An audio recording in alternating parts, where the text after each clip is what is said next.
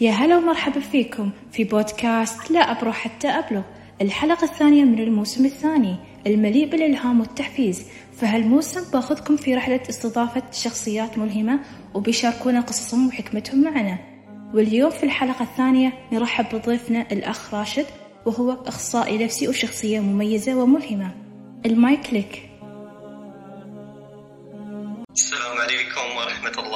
وبركاته. أهلا وسهلا فيكم جميعا. أول شيء تحية لك أستاذة أميرة في هذه الاستضافة الجميلة والمعارضة والتي سوف نتطرق في آه، الحوار في الكثير من الطاقات الإيجابية. وأشكر أيضا متابعينك في البودكاست. وموضوع شيق إن شاء الله راح يكون في آه، بعنوان لا أبرح حتى أبلغ الله يحييك ويسعدك يا رب. شكرا على قبولك للدعوة. بإذن الله تعالى نفيد متابعينا المستمعين الكرام. أخ راشد عرفنا على نفسك وشو هي غايتك في هالحياة. آه خلينا أول شيء نقول من هو راشد البلوشي؟ آه أنا لله والحمد يعني الله وفقني أكون شخص من الشخصيات المؤثرة في بعض من المواقف التي تعلمنا منها تجارب كثيرة في هذه الحياة. وقد أصبحت من المؤثرين في المسيرة في الحياة والكثير من أصدقائي يأخذون بعضا من نصائحي في بعض من المواقف وهذا ما جعلني أن أحب أن أصبح مؤثرا في بعض من وأكون شخصا ناصحا ينصح به ما يراه في بعض من الحقائق في الحياة. وأنا أحب أن أساعد الكثير من الناس في الوصول إلى نتيجة. وتكون هذه النتيجة مرضية له ولي أيضا وأن أكون شخصا يعني ما زلت تلميذا في الحقيقة وأتعلم وإن شاء الله سوف أصبح إماما والجميع آه، يتحد مني بعضا من المواقف ويتعلموا مني أيضا وللوصول لنتيجة مرضية له أيضا. رسالتك في هالحياة واضحة؟ أنك شخصية مؤثرة وما شاء الله إخصائي نفسي؟ وبإذن الله تعالى نفيد بعض كلنا. ونفس ما قال الله. وفضلنا بعضكم فوق بعض. كل شخص الله ميزه بشيء وكل شخص يفيد من الثاني بشيء. بالضبط. ولكن دعينا نتحدث قليلا عن الغاية. الغاية لها الكثير من المشتقات. ولكن هناك غايات جزئية وغايات كبرى. الغايات الجزئية هي قد تكون تندرج على بالمال وبالسلطة وبملخص آه، هذه الغايات الجزئية هي مؤقتة بمعروف لها ولكن هناك غايات كبرى هي رضا الله سبحانه وتعالى ورضا الوالدين والصحبة الحسنة. وهذه قد تكون غايات يعني مستمرة لمدى وفترة طويلة وقد تكون هذه الغايات هي من أجمل وأثمن الغايات الكبرى التي يلتمس بها الناس.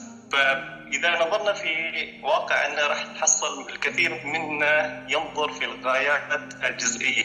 ما هي الغايات الجزئية؟ مثل ما طرق تتحدث الغايات الجزئية هي الغايات الموقوتة ممكن نسميها والتي ترتبط ب رغبات الشخص وغاية الشخص أو خطط الشخص الموقوتة. يعني أنا راح ناقصني حاجة أنا أريد أوصل لها فهذه غاية من غاياتي الجزئية. بينما هناك غايات كبرى كما تطرق تحدث بها رضا الله سبحانه وتعالى. وقوله تعالى من كان يريد حرث الآخرة نزد له في حرثه ومن كان يريد حرث الدنيا نؤتيه منها وما له في الآخرة من نصيب. ونعم بالله صدقت. أوكي شو هي أكبر التحديات والمصاعب اللي واجهتها في طريقك؟ وكيف تجاوزتها والناس اللي تمر في التحدي شو تقول لهم؟ آه، دائما الإنسان يصل في مرحلة من مراحل أنه يوبخ نفسه كثيرا كيف أوبخ نفسي أنا؟ بالنسبة لي أنا كراشد أحيانا لما أفشل في مجال معين هذا الفشل ممكن يصطحب معي أينما أكون راح يكون معي هذا الفشل ومن خلال هذا الفشل أنا لا أستطيع أن يعني أمرر في بعض من التحديات أو أمرر هذا الفشل وأذهب إلى نتيجة أخرى مرضية لي. ولكن الفشل هذا يكون محبطا تماما لي ويكون الاستسلام الاستسلام خيارا لي الأسهل الذي سوف أختاره. ولذلك يعني توبيخ النفس المبالغ دائما يجعل من نفسيتي يعني ويجعل من مستواي النفسي أنا غير مرضي في نفسي لأني وصلت في مرحلة وفشلت عدة مرات فما أقدر إنه أكمل يعني هذا المشوار فدائما توبيخ النفس. وهذا صاحبته أنا بعض من المواقف لما كنت في الفئه العمرية بين 18 وحتى ما أكبر. فهذا العمر المستوى بين 18 وكذا راح تكون في تحديد مسؤولية للشخص.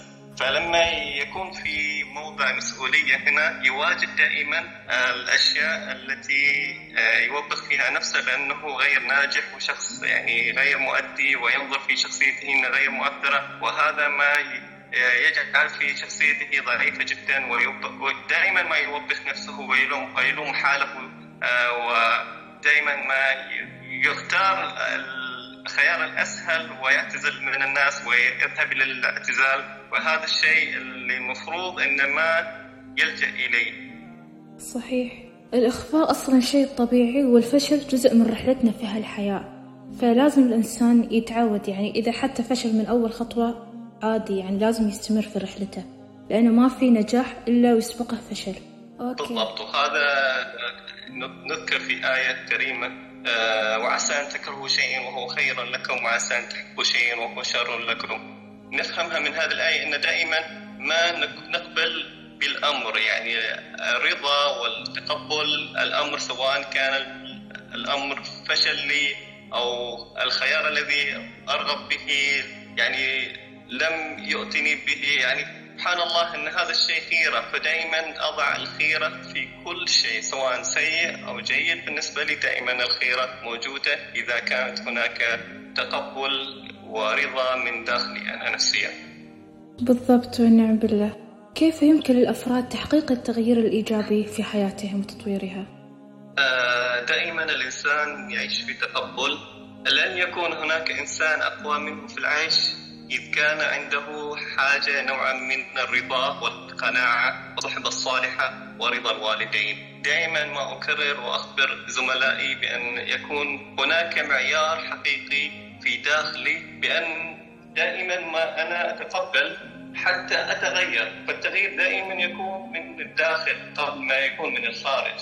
فلما ننظر في الداخل ننظر هو يعني منظومة نظام معين في داخل الإنسان سبحان الله. يعني الإنسان دائما له رغبات خاصة لكن هذه الرغبات اللي راح تعزز منه وتجعل مشاعره قوية جدا وتجعل من شخصيته أقوى وتجعل ماله أقوى فإذا غير من داخله وغير الصحبة التي يعني هو يصاحبهم ولم ينظر لهم أي فائدة ولما يكون عنده يعني لما يلجأ إلى أشخاص مثقفين كاتبين يعني لهم آراءهم لهم حياتهم الخاصة التي تجعلهم منهم مثقفين فهذه الأشياء تعزز منه و الحديث عن من عاشر قوما أربعين يوما صار منهم هذه يؤمن بها أنا أيضا لأنها أثرت في عندما كنت مع صحبة جيدة وكنت آه، قد تغيرت بعضا أخذت من الصفات الجيدة منهم وهذا التغيير دائما يكون من الداخل قبل أن يكون من الخارج وأرجع وأقول إن دائما تطوير دائما يكون من نفسك قبل أن يكون من غيرك. ودائما ما أنت الذي تغير وليس الواقع هو عشان عشان تنتظر الواقع منه أن يتغير. بل أنت الذي تتغير أولا ثم سوف ترى التغيرات من الواقع بشكل ملفت لك. فعلا هذا هو الصحيح لازم الإنسان يغير من نفسه عشان الخارج يتغير. لكن إذا ما غير من نفسه وانتظر معجزة بيظل عايش على نفس النمط والحياة ما راح تتغير. بتكون الحياة أصعب بعد. لأن عقليته عقلية ثابتة في الحياة بتكون ثابتة ما تتغير لأن التغيير يبدأ من الداخل. أشوف أن النجاح في الجانب النفسي أهم من الجانب المادي. شو رأيك؟ خلينا نقول أول شيء تعريف الجانب النفسي قبل ما نبدأ بالجانب المادي لأن الجانب المادي دائما يكون هو وسيلة ودائما ما نقول إحنا في علم النفس أنت ممكن تشتري دواء ولكن لا يمكن أن تشتري الصحة بالمال. ممكن تشتري منزل ولكن لن تشتري يعني يعني النوم بحد ذاته. فنحن دائما نرى الجانب المادي في وقتنا الحالي هو المعيار الأكثر من الجانب النفسي. ولكن أنا أفضل مثل ما أنت قلتي أن الجانب النفسي أهم من أهم في النجاح لأن الجانب النفسي مرتبط في كل إنسان وله مستويات تحدده الموظف والأحداث خلال مسيرة حياته. مثل السعادة الخوف القلق والاكتئاب.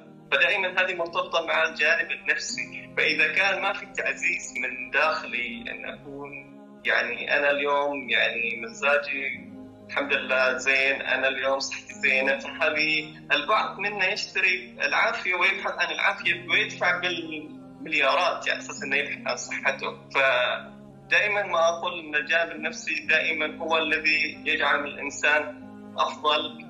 يجعل حياته أفضل في بساطة وينعم به. بينما الجانب المادي هو وسيلة موقوتة ممكن نفرض عليها لأن لن يبقى هذا المال لديك مدى الحياة لن يغير هذا المال في داخلك سعادتك لن تتم هذه السعادة على مدى بعيد. فدائما الجانب النفسي هو الذي يعزز من داخل الإنسان والذي يصل به إلى بعض من النجاحات. دائما العلماء الذي ظهروا الآن في وقتنا الحالي هم يعني بسطاء كانوا.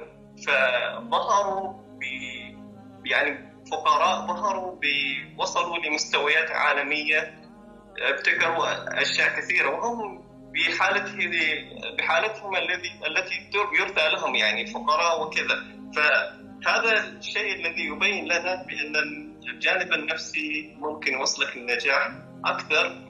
ولكن هناك ارتباط بين الجانب النفسي والمالي والمادي. ممكن نقول مرتبطان ببعضهما البعض.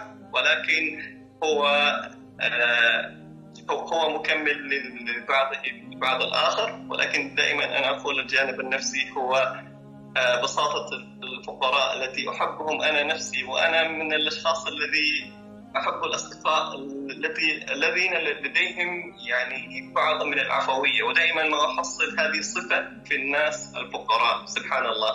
فهذه الصحبة الجيدة التي أحب أن أتماشى معها هم أصحاب جيدون خلوقيين يعني خلوقين فهذا الأشخاص هم يعني من الفئة المتوسطة والحد الأدنى من من الناس الذي يملكون هذه الصفات الحميدة؟ فالحمد لله يعني على هذه الصفات. فخياري يعني أنا بصفتي كراشد بلوشي أنا أرى الجانب النفسي اهم من الجانب المادي في بعض من المواقف. فعلا الجانب النفسي أهم لأن السعادة من الداخل مو من الخارج. لكن نحن في زمن صار تركيزهم على الخارج وعلى المادي وهالأشياء لكن اللي يركز على نفسه من الداخل ويبني نفسه من الداخل يقدر يصنع له كل شيء. نعم. آه نحن في زمن المشتتات الذهنية زادت بشكل كبير والبعض بسبب هالمشتتات نسى نفسه وعايش طول يومه على ال social media بدون أي هدف. كيف يقدرون يطلعون هالفئة من هالدوامة؟ أنت قلتي بنفسك دوامة. بالضبط. الإنسان لما يشتغل في حاله دائما يضع يعني معيار عدد الساعات بشكل مفرط له عند عندما يوزع يعني توقيته في يومياته لو افترضنا الإنسان يعني يملك 24 ساعة فإذا لم يستغل هذا الوقت بشكل جيد ولم يستثمر بوقته أصبح في دوامة مثل ما قلت أنت. وصلته بالدوامة لأنه على على بينة كان أصبح مشتتا لم يلتزم بتوقيته لم يصل للنتيجة التي هو يريدها. وهو يحس إن الوقت سريع جدا لأن ما في حاجة مغيرة له. الروتين ثابت ليس هناك متغيرات. يعني يأكل يروح على البرامج ال social media يرى البرامج ثم يرى يعني روتين متكرر. هذا ما يجعل الإنسان أحيانا يصل الإنسان بلا قيمة يحس في نفسه أنا ما عندي قيمة.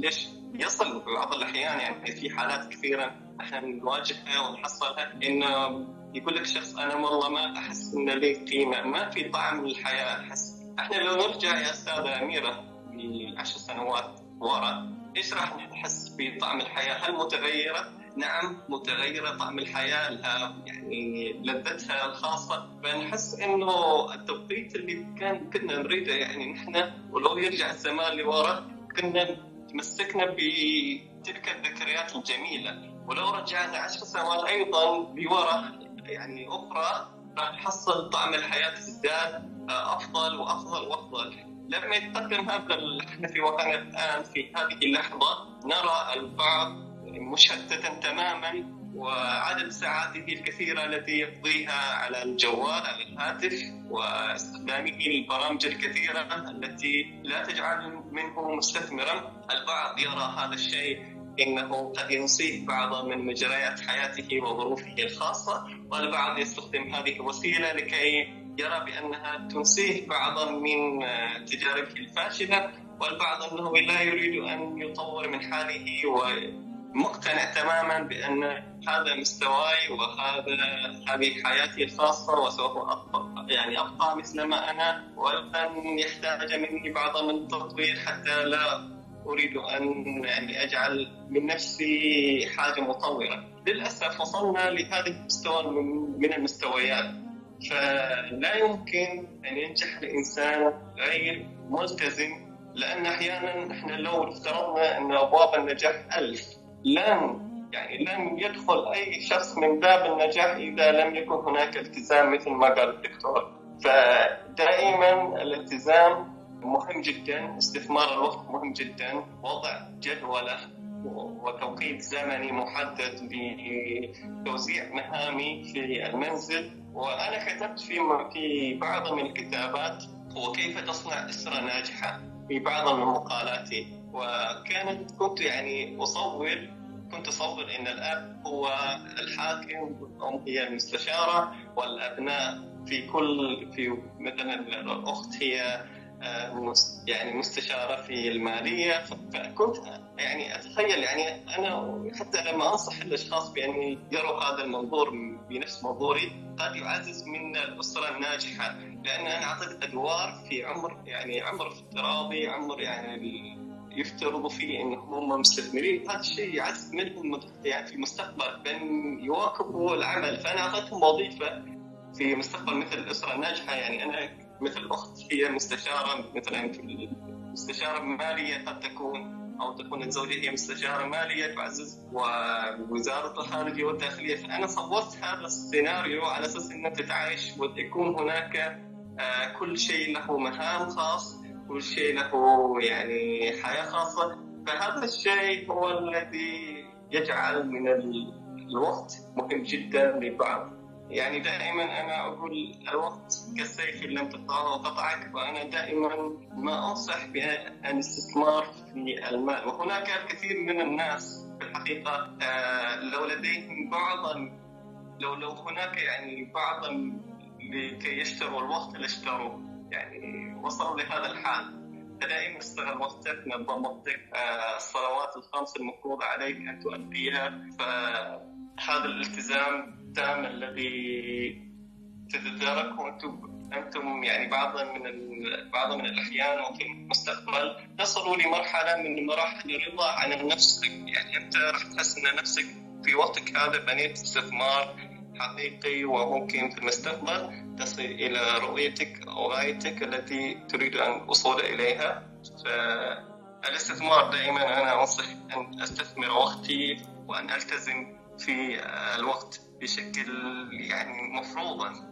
هي صحيح الوقت هو الحياة ورأس مال الإنسان وقته. فالشخص إذا عامل نفسه إنه مشروع نجاح ما كان ضيع ثانية من وقته لكن البعض ما يدرك قيمة الوقت فيضيع كل وقته. والرسول قال اغتنم خمسا قبل خمس وفراغك قبل شغلك. لكن إحنا في زمن عجيب اللي عنده فراغ يقول إنه في ملل واللي عنده شغل يقول إنه في ضغط. بالضبط يا نصيحة ختامية تقدمها للمستمعين. والله ودي إنه يعني في أشياء كثيرة أريد أوصلها ولكن إذا رجعنا في الآية الكريمة تقول آخر دعواهم إن الحمد لله رب العالمين. دائما شكر لله سبحانه وتعالى آه، تسلح بالدعاء قراءة القرآن الالتزام بالصلاة هي من أسباب النجاح للإنسان. وهي من الأشياء التي تعزز منه داخليا بحد الرضا فإذا أنت وصلت لمرحلة الرضا سوف ترضى ما ما يأتيك. يعني سواء كان هذا الشيء شرا لك أو خيرا لك أنت في رضا تام. لما توصل في هذه المرحلة من الرضا التامة سوف تصبح هناك لديك قناعات كثيرة. قناعات هذه قد تكون قد, قد تكون في يعني في موضع اللامبالاة في بعض من الأشياء ولا تتخذها في أشياء ما تطلعك هذه الأشياء من خارج ولا تستحق أن هذه الأشياء أنك أنت تحزن إليها ولا ولا أن تكون على على بينة مثلا تكون شخصا حزين. فدائما كل هذه الأشياء التي تأتيك سواء كانت خيرا أو كانت شرا أنت يجب عليك أن ترضى بها وأن تغير منها ما استطعت إذا كنت قادرا على ذلك. دائما ما أريد أن أقول يعني في أشياء آه، يعني ليس كل فعل يستحق منك ردة فعل. فلما تصل لهذه المرحلة سوف تكون أنت مرضي تماما بما قد يحصل لك. فالرضا هو مهم جدا. إذا وصلت وأعيد إذا وصلت لمستوى الرضا سوف ترضى يعني بما يأتيك من أشياء كثيرة واجهتنا في مواقف صعبة جدا في مواقف خلتني أنا أكون يعني أتعلم من الفشل. ودائما الفشل هو يعطيك خطوة أمام يعني خطوة للأمام أساس أنك تتعلم من الفشل هذا نفسه وتتقدم مع استمرارية الحياة التي تأتيك. وهذه ختامية مني في أبسط صورة عملتها لكل شخص وأنصح الأشخاص المثقفين بأن يستمروا في التثقيف نفسهم ويستثمروا أنفسهم جيدا وأن يلتقوا بأصحاب مثقفين رواكب شخصياتهم وأن يستجمعوا قواتهم في هذه الحياة. وأعتقد بأخيك إذا كان لديك أخ أو أخت أو كان لديك والدك ووالدتك هم الأشخاص الذين سوف يعززون لك في المستقبل. ودائما عليك بالدعاء والإخلاص لله سبحانه وتعالى والرضا ورضا الوالدين. هذا من أهم الأشياء التي أريد أن أخبرك بها. يعطيك العافية. الله يجزيك خير يا رب على نصايحك الثمينة.